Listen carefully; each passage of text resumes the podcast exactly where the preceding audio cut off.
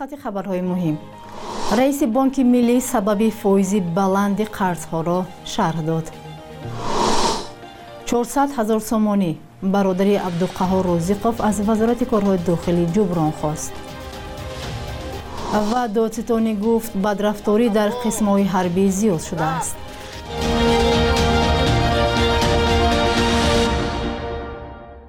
салом бинандаҳои азиз ба барномаи навиди вомдодӣ хуш омадед. Давоми чанд дақиқаи баъди шуморо бо охирин хабарҳои тоҷикистону ҷаҳон ошно месозем. Имрӯз чоршанбе 21 феврал аст. Як сокини шаҳри кӯлоб аз вазорати корҳои дохилии тоҷикистон 400 ҳазор сомонӣ баробар ба тақрибан 40 ҳазор доллар ҷуброни зарари маънавӣ хостааст давлатмурод розиқов дар номае ба додгоҳи ноҳияи исмоили сомонӣ гуфтааст бародараш абдуқаҳор розиқов бар асари шиканҷа ва муносибати бераҳмонаи маъмурони милиса ҷон бохт. Марги ӯ дар моҳи январи соли 2023 эътирози гурӯҳе аз сокинонро ба бор оварда буд. Эътилофи зидди шиканҷа дар тоҷикистон хабар дод ки аризаи давлатмурод розиқов 5 январи имсол ба додгоҳ фиристода шудааст. Посух дастрас нест абдуқавр розиқов дар шаби 2 январи соли 2023 аз тарафи маъмурони милиса дастгир шуд ва дар шароити мармуз ҷон дод. Вазорати корҳои дохилии тоҷикистон қаблан дар эъломияе гуфта буд. Ӯ дар роҳ ва бар асари истеъмоли зиёди амфетамин даргузашт.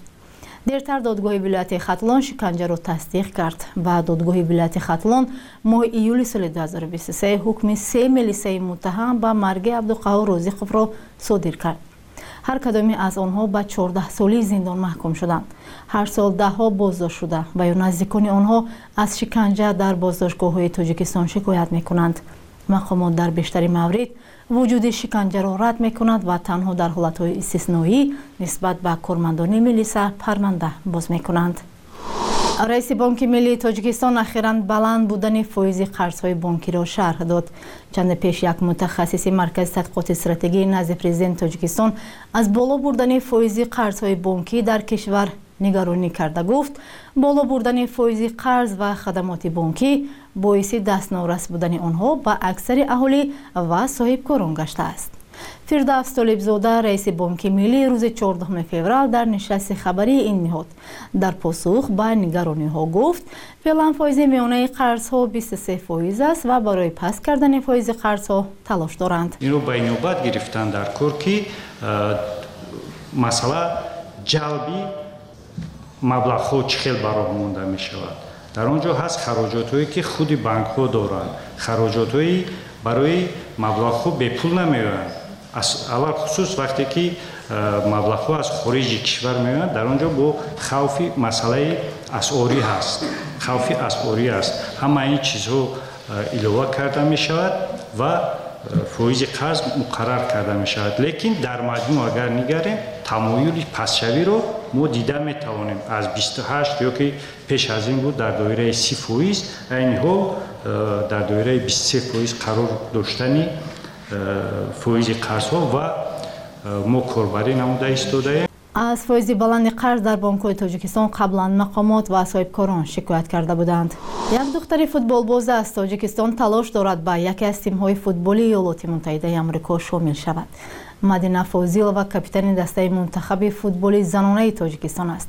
Талоши ӯ барои пайвастан ба яке аз тимҳои амрико дар ҳолест ки ахиран мунтахаби футболи занонаи тоҷикистон дар мусобиқаи дар душанбе ноком шуд ҳамкорам мулораҷаб юсуфӣ бо мадина фозилова суҳбат карда ин гузоришро омода намуд голи мадина фозилова ба дарвозаи тими ҳариф мадина 28 сол дорад ва аз ин 17 солашро дар футбол сипарӣ кардааст ин ҷо ӯ 10 сол пеш бо радиои озодӣ حالا همین آرزه او را به آن سوی اقیانوس به ایالات متحده ای امریکا برده است. یک چند پیشنهاد هم دارم از جانب دسته های فوتبالی بانوان امریکا. و می‌خوام در یکی از این تیم هایی که به من پیشنهاد کردن شامل شوم. در این موسم 2024 در اینجا می‌خوام این کسبی که من انتخاب کردم یعنی این ساحایی که من بازی می‌کنم فوتبال این کسبم رو در اینجا دوام بدهم و کوشش می‌کنم که یک مهارت خوب نشان دهم و تجربه خود را زیادتر کنم. به اطلاع فدراسیون فوتبال در تاجیکستان 60 دسته فوتبال زنان عمل می‌کنند اما نتیجه های دختران فوتبال باز مثل مردان چندان نظررس نیست. از جمله منتخب فوتبال خرد یا فوتزل زنانه تاجیکستان در سبقت اخیر کف 2024 همه بازی هایش را باخت. مدینه فاضله و در این مسابقه شرکت نداشت اما سبب شکست همدسته هایش را چنین می‌بیند. نظر شخصی من من فکر می‌کنم که در این مسابقه مشق و تمرین های دخترکان کمتر بود و از همین خاطر آنها توانستن یگان نتیجه خوب را به دست بیارن و امید, امید داریم که در آینده تیم فوتزال تاجیکستان هم بسیار خوب می شود و همه این یک تجربه می شود برای دخترکان. نظرها به فوتبال بازی زنان در جامعه مرد سالار تاجیکستان یکسان نیست. یوسف ربیف سرمربی تیم فوتبال زنانه تاجیکستان پیشتر به رسانه ها گفته بود نه هر والدین دخترش را به این نوع ورزش میفرستد. برعکس این توجه به فوتبال مردانه سالهای اخیر زیاد شده ورزشگاه ها پر از مخلص است. مدینه فاضله و همدسته هایش امید دارند که روز مردم به فوتبال بازی دختران نیز همین گونه مخلصی می‌کنند. مولا رجب یوسفی رادیوی آزادی دوشنبه. Соли 2023 бадрафторӣ ё ба гуфтаи мақомот муносибати ғайриоинномавӣ дар қисмҳои ҳарбии тоҷикистон афзудааст додситони ҳарбии кишвар ҳабибулло воҳидзода 16 феврал дар нишасти хабарӣ гуфт соли гузашта 96 ҳолати муносибати ғайриоинномавӣ ба қайд гирифта шуд. ба гуфтаи ӯ ин омор нисбат ба як соли пеш 18 ҳолат бештар аст.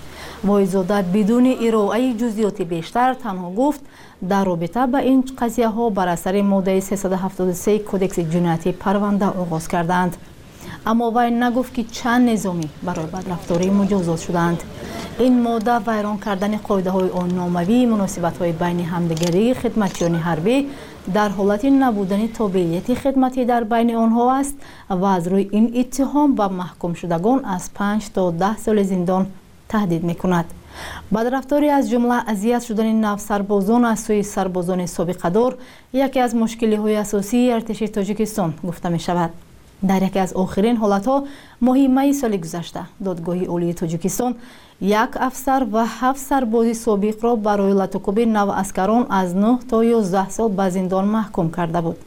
Ҳамчунин моҳи сентябри соли гузашта як сержанти хурдро дар вилояти суғд ки дар сари нӯҳ сарбоз номи зодгоҳаш шаҳрикони бодомро навишта буд ба панҷ сол зиндон маҳкум карданд.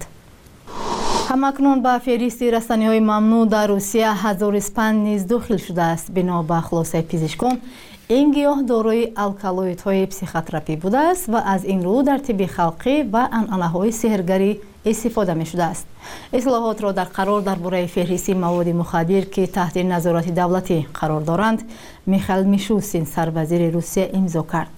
Гуфта мешавад бо пешниҳоди вазорати корҳои дохилии русия бо мақсади пешгирӣ аз парвариш ва муомилоти ғайриқонунии онҳо дар русия он ба рӯйхати растаниҳои дорои моддаҳои нашъадор ё моддаҳои психотерапӣ ва таҳти назорат қарордоштаи федератсияи русия ворид карда шудааст منبعت مطابق متن این سند برای پرورش ده بیخ این گناه رستنی ها و از این شمار بیشتری آن جزا داده می شود مجازاتی سنگین ترین تا 8 سال زندان بوده است و در بخش یک روز تاریخ همکارمان خیرامان بخوازاده از مهمترین تحولات تاریخ برای امروز خبر می دهد.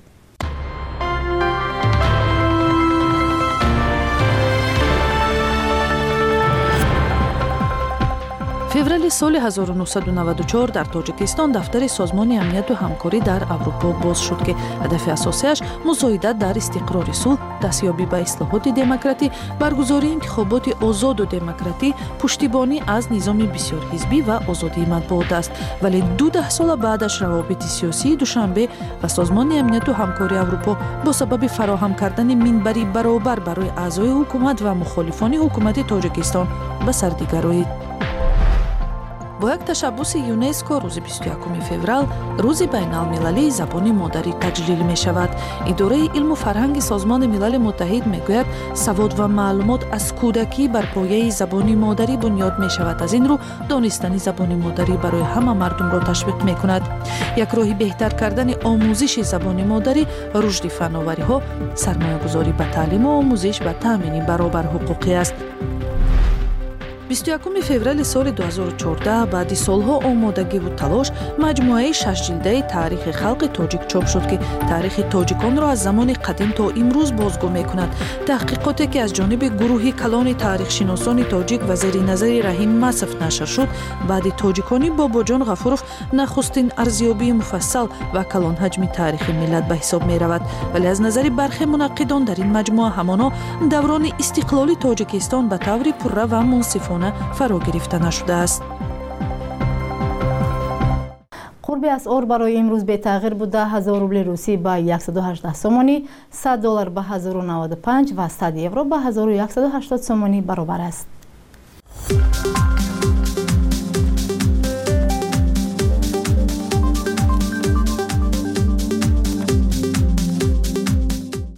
بینندگان عزیز اینجا رسیدیم به پایان برنامه. سپاس که ما رو همراهی کردید تا برنامه بعدی خدا نگهبانتان.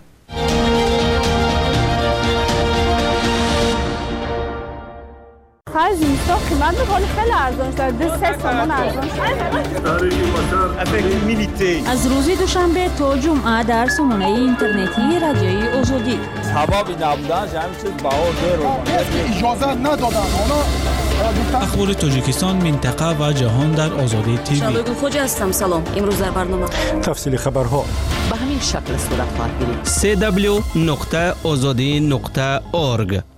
سلام شنوندگان گرامی من میرزا نبی خالقزاد در سودی هستم و خبرهای تازه تاجیکستان جهان و منطقه را تقدیم شما می کنم дар ҳоле ки вашингтон рӯзи 20 феврал қатномаи шӯрои амнияти созмони милалро барои оташбас дар ғаза вето гузошт нирӯҳои исроил рӯзи 21 феврал ба ҳамлаҳои худ дар ин минтақаи дар ҳоли муҳосира идома доданд дар қатнома ба зарурати оташбаси фаврии инсондӯстона таъкид шуда буд амрико пештар гуфт тарҳи пешниҳодии алҷазоир музокироти иёлоти муттаҳида миср исроил ва қатарро ки бо ҳадафи боздоштани ҷанг ва озодии гаравгонҳо анҷом мешавад ба хатар хоҳад андохт вашингтон дар иваз тарҳи худро пешниҳод кардааст идомаи даргирии интиқоли ёриҳоро ба мардуми ғаза ба таъхир андохтааст ҷое ки ба ҳушдори созмони милали муттаҳид беш аз ду миллион нафар برنامه جهانی آزوقه نیز یک روز قبل گفت بعد از آنکه به کاروان ماشین ها تیراندازی شد آنها را غارتگران را بودند ناچار انتقال یاری ها را به شمال غزه باز می‌دارد. حالا نگرانی اکثریت از احتمال حمله زمینی اسرائیل بر رفه که در آنجا 1.4 میلیون نفر در پناهگاه های سیرادم و حمله های موقتی به سر می‌برند. گروه های امدادرسان هشدار دادند که حمله زمینی می‌تواند رفه را به یک گورستان تبدیل دهد. ایالات متحده گفته است اول پناهجویان باید از آنجا بیرون برده شوند. از آن خودکنی مبلغ های بودجتی به مقدار مخصوصا کلان از طرف مسئولین شبکه‌های برقی شهری پنجکند آشکار شده است. آژانس ضد کروپسی تاجیکستان روز 21 فوریه در سامانش از آشکار نمودن بیش از دو میلیون سامانه شرکت برق پنجکند خبر داده است. در این خبر آمده است ارگاشوف سردار گروه خدمترسانی قطعی پنجکند شبکه‌های برق شهری پنجکند با استفاده وکالت منصبی و در اساس مسئولیت پیشکی با رهبری دیگری همین کارخانه بابایف و دیگر شخصان مسئول جنایت‌های از آن خودکنی و ساختکاری حجت‌ها را صادر کردند.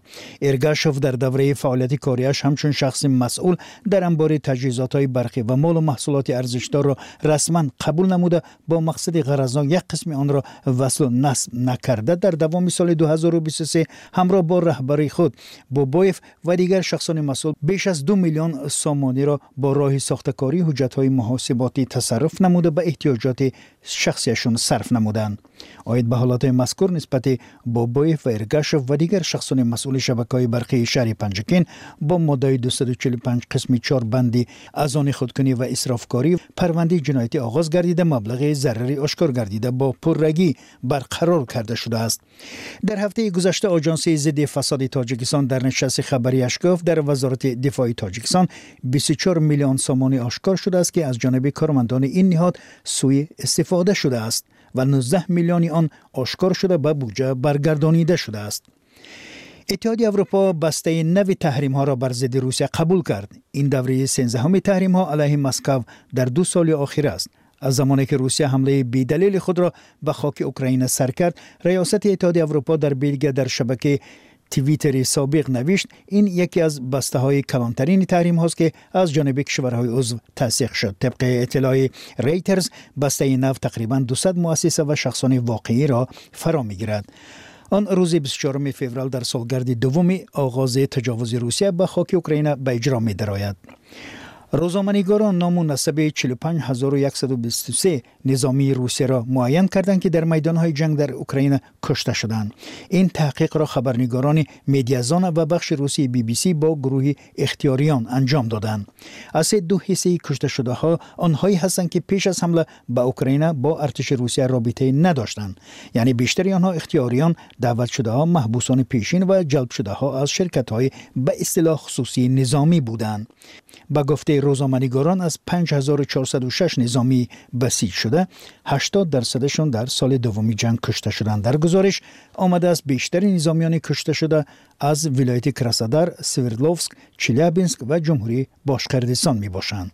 و یک گزارش ورزشی از تاجیکستان در مسابقه جودا تشکن گراند سلام 2024 که روزهای یک و سیمی مارت در پایتخت ازبکستان برگزار می شود تاجیکستان را 16 ورزشگر نمایندگی خواهند کرد. به اطلاع سامانه رسمی فدراسیون بین المللی جودا برای شرکت در مسابقه تشکیل گراند سلام 2024 تا حالا 465 ورزشگر 240 مرد و 225 زن از 70 کشور جهان نامنویس شدند تاجیکستان را در سبقت مردان 12 ورزشگر نمایندگی می کنند یادآور می‌شویم پهلوانان تاجیک سال گذشته در تاشکند گراند سلام 2023 دو مدال یک نشانه طلا و یک برنجی به دست آورده بودند. شاهد حادثه شدید منظره جالبی را دیدید. از راهی آسان و امن با رقم تلگرامی ما. کد 420 724 053 و 959 فرستید. دوام یک هفته اخیر مقامات ترکیه ده ها شهروند تاجیکستان را از فرودگاه برگردانده اجازه ورود به آن کشوران ندادند تاجیکستانیان می‌گویند بدون شرح آنها را در فرودگاه استانبول نگاه داشته برایشان قرار اخراج از ترکیه را صادر کردند در این باره من مولا رجب یوسفی گزارش می‌دهم. مقامات ترکیه و هم تاجیکستان تا حال مسئله را شرح ندادند بعضی شهروندان تاجیکستان می‌گویند از کارمندان پلیس ترکیه شنیدند که سبب تیرپرانی یک شهروند تاجیکستان در یکی از کلیساهای استانبول است. حداقل چهار شهروند تاجیکستان در صحبت به رادیوی آزادی گفتند مشکل در ورود به ترکیه سنه 14 فوریه آغاز شد. یک ساکن شهر دوشنبه که 18 فوریه به ترکیه پرواز کرده است. به رادیوی آزادی گفت که وقتی به استانبول رسیدند از آن طرف تقریبا سی نفر را آورده گفتند که آنها را دپارت شدند و به هواپیمایی که ما رفته بودیم باید به دوشنبه برگردند. همصحبت ما گفت کارمندان نقطه شناسنامه‌دهی فرودگاه استانبول از میان آنها نیز قریب سی کس و اساسا جوانان را جدا کرده به یک اتاق بردند و گفتند که شما را اخراج می‌کنیم. همصحبت ما گفت او و همراهانش را سه روز در بازداشتگاه موقت پلیس در فرودگاه استانبول نگاه داشته. 20 فوریه به دوشنبه بازپس فرستادند. این نفر که نخواست نامش فاش شود سند را به ما پیشنهاد کرد که سنه 18 فوریه قرار اخراج او را صادر کردند. عین همین شکایت را چند مسافر دیگر هم دارند که سنه 20 فوریه از دوشنبه به استانبول پرواز کرده بودند. در نواری که مهاجران به آزادی فرستادند 27 نفر و اساسا مردان دیده می شوند که در چند اتاق در فرودگاه استانبول نشستند یا خوابیدند. یا کابینت مو بردن همجا از صورت مون گرفتن. چی ممکن داکمنتون توغری کردن همجا آزی واردن گشنه و تشنه هم درن در محکم کردن. میگه مقدن هم سونکامون به تنکیشتا که هم کلچه های واردگی مون بخریم. امور داج نمیرم به تنو که همی بخری مقصد هم چیزای خنونا رادیوی آزادی برای شرح مسئله به سفارت تاجیکستان در ترکیه و کنسولگری کشور در استانبول سفارت ترکیه در دوشنبه و وزارت کارهای خارجی تاجیکستان مراجعت کرد. اما هیچ کدام آنها تا لحظه نشر گزارش مسئله را شرح ندادند. بعضی از تاجیکستانی هایی که 18 فوریه از ترکیه اخراج شدند به سفارت این کشور در دوشنبه مراجعت کردند. در سفارت ترکیه حجت را دیده گفتند که ما را شخص شبهناک خوابیده به ترکیه راه ندادند گفت یک همصحبت ما که اخیرا از ترکیه اخراج شد. در حالی که شرح مقامات دسترس نیست بعضی تاجیکستانی های اخراج شده از ترکیه می‌گویند کارمندان پلیس ترک به آنها گفتند سبب پیش آمدن این حالت تیرپرانی یک شهروند تاجیکستان در کلیسای در استانبول است. قبلا مقامات ترکیه گفته بودند یکی از دو گمانبر حمله 28 ینور به کلیسای در استانبول شهروند تاجیکستان است. از سال 2018 شهروندان تاجیکستان حق دارند بدون روادید یا ویزا 90 روز در ترکیه بود و باش کنند. ترکیه پس از روسیه و قزاقستان کشور است که شهروندان تاجیکستان برای کار به آن سفر می کنند در برابر صدها مهاجر قانونی برخی شهروندان غیر قانونی به کار مشغول می شوند مقامات تاجیکستان قبلا گفته بودند که حدود 7000 شهروند کشور در ترکیه کار و زندگی می کنند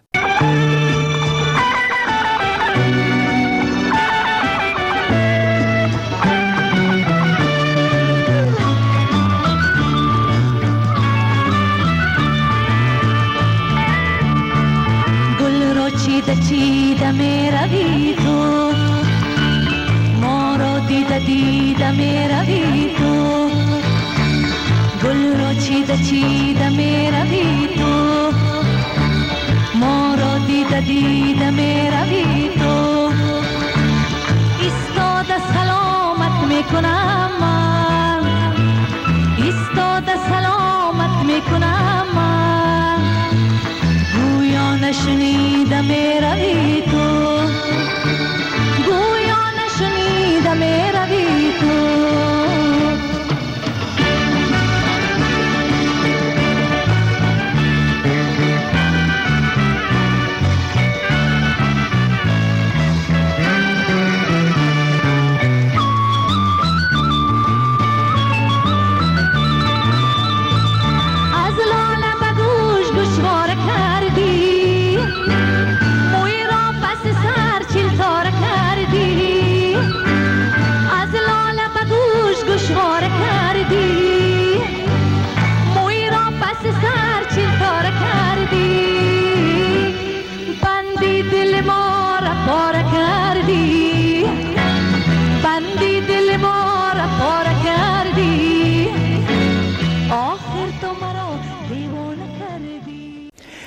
سازمان جهانی خانه آزادی فریدم هاوس در یک گزارش خود کشورهایی را نام برده است که مقامات آنها مخالفان خود را در خارجه در کشور سیوم هم شکار می کنند.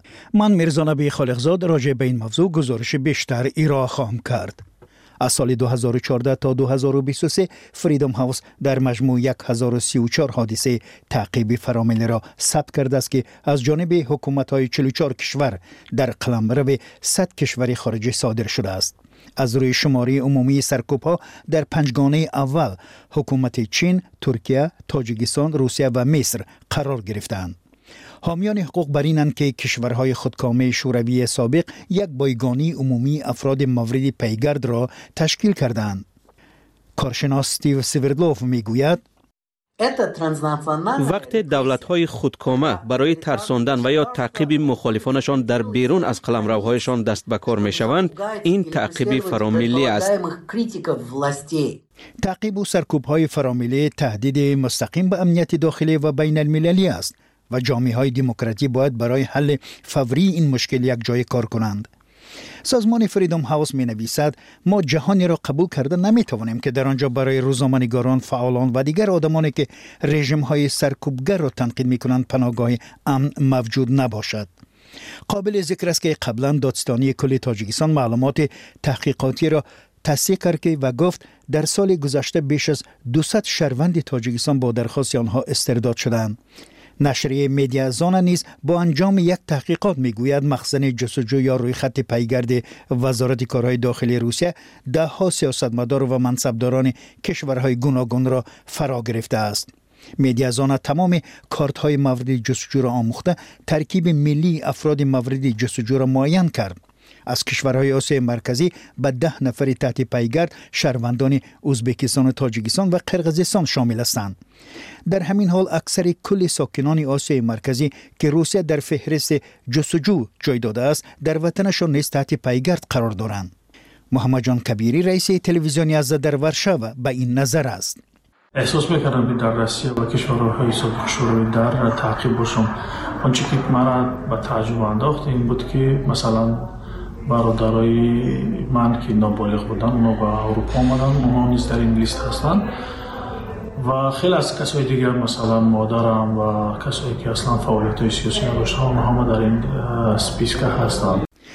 در سال 2022 شماره افرادی از خارج به تاجیکستان اخراج شده از 100 نفر کمتر بود. در بیان ها نام های منتقدان و مخالفان حکومت تاجیکستان به چشم می خورند سه فعال بلال قربانعلیف، عبدالله شمسدین و نظامیدین نصرالدینوف را کشورهای اروپایی به دست مقامات تاجیکستان دادند.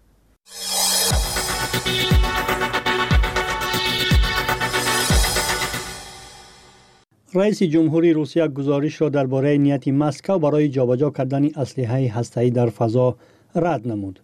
ولادیمیر پوتین این موضوع را روز 20 فوریه در واکنش به اظهارات یک مقام آمریکایی مطرح کرد. تفصیلات موضوع را در این گزارش از من محمد و فاریزا زاده بشنوید. جان کیربی سخنگوی شورای امنیت ملی آمریکا روز پنجشنبه گذشته گفت روسیه در حال ساختن یک سلاح نگران کننده نوی ضد ماهواره است. او با این حال تاکید کرد که روسیه هنوز چنین سلاحی را در فضا جابجا نکرده است. پوتین گفت موضع ما کاملا روشن و شفاف است. ما همیشه مخالف جابجا کردن سلاح‌های هسته‌ای در فضا بوده و هستیم. برعکس ما از همه می‌خواهیم به سازشنامه‌هایی که در این زمینه وجود دارد پایبند باشند. او در نشست با سرگئی شایگو وزیر دفاع حکومت خود خاطر نشان کرد که روسیه تنها توانایی فضایی را رشد داده است که دیگر کشورها از جمله امریکا از آن برخوردارند و یفزود آنها این موضوع را می‌دانند. وزیر دفاع روسیه نیز گفت ما هیچ سلاح هسته‌ای در فضا برای استفاده علیه ماهواره ها جابجا نکرده ایم. سرگئی شایگو ادعا کرده است که کاخ سفید مسئله توانایی های فضایی نوی روسیه را مطرح کرده است تا کنگرس را مجبور کند از کمک به اوکراین حمایت کند. مسئله تهدید امنیت روسیه را ابتدا یک نماینده جمهوری کمیته استخبارات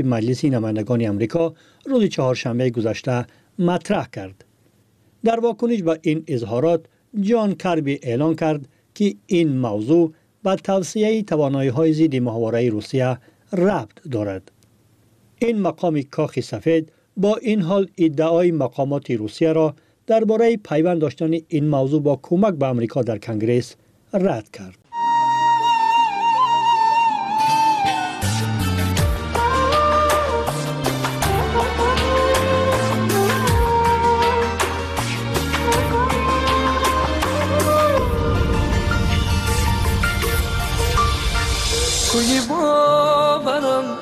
مرم از برم من تنهایم.